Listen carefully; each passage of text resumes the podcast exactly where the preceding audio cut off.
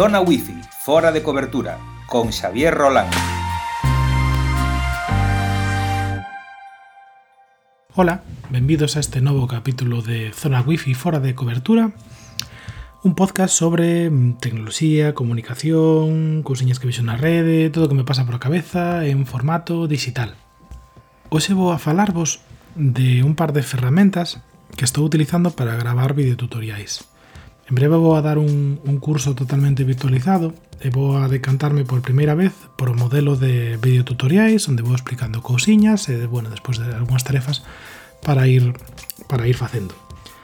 Entón, claro, para poder levar a cabo este curso, eh, vime obrigado a buscar solucións que me permitiran pois eh, gravar a miña pantalla, que poida gravar tamén o meu careto e despois que podera editar algunhas cousiñas. A primeira opción que se me veu á cabeza, a opción que me resultaba máis cómoda como usuario Mac, era utilizar un atallo de teclado que funciona moi ben, que é comando mayúsculas 5, que debe ser como unha especie de acceso directo a, a QuickTime e o que fai xa é directamente pois, gravar toda, toda a pantalla non e xenera un archivo .mov que despois bueno, pois se pode traballar con el. Que problema ten esta solución? Que está ben, eh? Está ben a solución pero ten un, ten un problema para mí moi grande e é que se xenera un arquivo moi moi grande vale? Para que vos fagades unha idea o outro día tuve unha presentación de proxectos dunha asignatura eh, mm, da universidade. Gravei a sesión desta maneira, unha sesión de case dúas horas e xeroume un arquivo de 8 gigas e medio.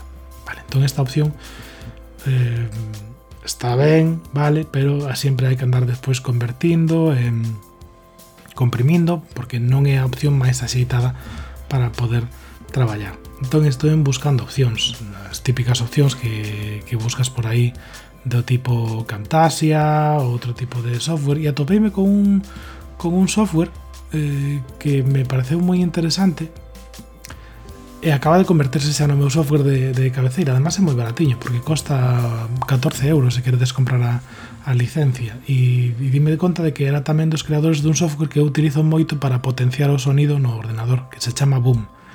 Bueno, pois os, os creadores de, de Boom teñen unha solución que se chama Capto. Vale, e con este Capto podedes ben facer capturas de pantalla ou ben gravar. E diredes, bueno, pois pues eso se fai todo o mundo, non? Sí, sí, efectivamente, eso fai no, fai no calquera. Por que escollín capto e desbotei o resto das opcións das que xa nin vos vou a falar, eh? para que vos fagades unha idea do contento que estou con capto?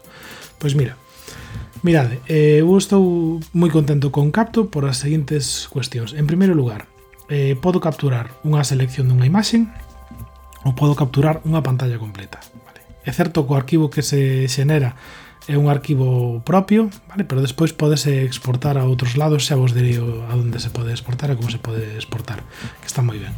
Pero que me interesa que podes eh, gravar unha parte da pantalla ou toda a pantalla e ademais podes gravar tamén a cámara frontal. E poñer a cámara frontal na esquina superior esquerda ou dereita ou esquina superior inferior esquerda ou dereita ou no centro de maneira que tú podes estar eh, explicando como funciona algo en pantalla e xente pode estar vendo a túa cara. ¿vale? Que eso siempre da pues, un poco más de, de, de feedback o de, oye, esta persona controla do que está falando, non? bueno, xa veremos se é así ou non é así.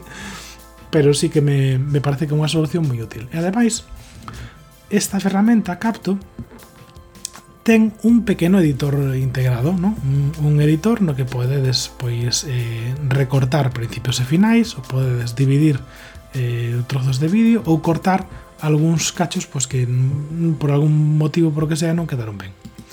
E despois dentro da propia ferramenta pois podedes poñer flechas, bocadillos, textos, insertar imaxes, é unha cousa que ten o, que ten YouTube cando cargades os vídeos que me parece moi interesante que o, o efecto desenfoque de algunhas partes, non? Pois se tedes algún tipo de información sensible ou algunha cousiña que non queredes que se vexa, pois eso tamén tamén o podedes tapar. A maiores, convenceume tamén por unha cousa moi sinxela, e é que podedes esconder as iconas do vosso escritorio mentres estades gravando o tutorial. E ademais, podedes ata esconder o wallpaper, ok? Ese, mm, esa imaxe que tedes de fondo do escritorio pode substituíla por outra imaxe ou por o color plano, que como teño eu, para que non se vexa pois, a imaxe que teño, que me dá un pouco igual, pero bueno, sempre prefiro ter un fondo neutro, vale? Onde pois, non se perda a atención precisamente por unha imaxe que está moi vívida ou moi visual. Entón xa por eso pois foi unha unha solución que me, que me convenceu. E onde me acabou de, de rematar o convencemento é nas opcións de compartir. Vale, por qué? Porque nas opcións de, de compartir mm, é certo que se pode exportar como, como arquivo, que é un arquivo relativamente pesado, vale? Pero é que desde, desde os propios arquivos que xenera Capto se pode enviar directamente a Handbrake, que é o mellor software para eh, convertir arquivos e comprimilos, arquivos de vídeo me refiro. Okay? Entonces podedes enviar directamente a Handbrake para cos presets que teñades feitos, pois automáticamente metelo na cola e desde aí xa comprimir o arquivo para, bueno, para o que vos faga falta despois. A maiores ten unha opción para compartir e dentro das ferramentas e das opcións que ten para compartir, podedes compartir directamente na vosa canle de YouTube que eso é algo que me, que me fascina, porque eu estou facendo agora mesmo os tutoriais, eh, son bastante limpos, non teñen eh, moita postproducción, nin teñen así unha edición eh, relativamente complexa, vale, como este podcast, aquí te pillo, aquí te mato, vale, así de simple. E exporto directamente, moitas veces, por a noite o que fago é darlle ao botón de exportar, exporto directamente a, a YouTube. Exportamos como vídeos ocultos, privados, perdón, E despois o que fago en, en Youtube é cambiálos a un modo oculto para que só estén disponibles para que les usuarios a donde quero que, que chegue o propio vídeo tutorial. Así que se estades pensando en utilizar algunha ferramenta de grabación de videotutoriais ou algo eh, similar, eu recomendo vos encarecidamente que lle dedes unha oportunidade a Capto, porque me parece que, que é un software moi barato e potente para o que fai. Que hai opcións eh, gratuitas que fan o mesmo? Sí. Que tardades máis tamén en facer o mesmo? Sí, tamén, vale? Que non son tan intuitivas? Tamén é certo que non van ser tan intuitivas. Eso xa é unha cuestión eh, de cada un de vos. Insisto, ao principio utilizaba a propia ferramenta de grabación de, de vídeo da pantalla Pero tamén é certo que estar correndo o QuickTime por detrás que se quentaba de lo lindo, eh? o, o, o procesador. Eh, os ventiladores estaban a tope, ao estar a tope os ventiladores pois tamén entraba o ruido a través do micrófono, da igual que o teñas integrado, que teñas un externo, o ruido entra igual. E con isto pois parece que a solución eh, funciona porque vai máis lixeiro, vale? Vai un pouco máis holgado, entonces os ventiladores controlándoos con unha ferramenta que se chama MacFunks eh, Control, pues, evito que me, que me salten ou que pasen de certas revolucións que acaban por inserir un son que non acaba de gustarme como queda eh, despois na postproducción do, do son. E nada máis, agardo que vos resultará interesante estes pequenos tips para gravar video tutoriales. Si os gusta, suscribíos e nos daré máis cositas destas no futuro.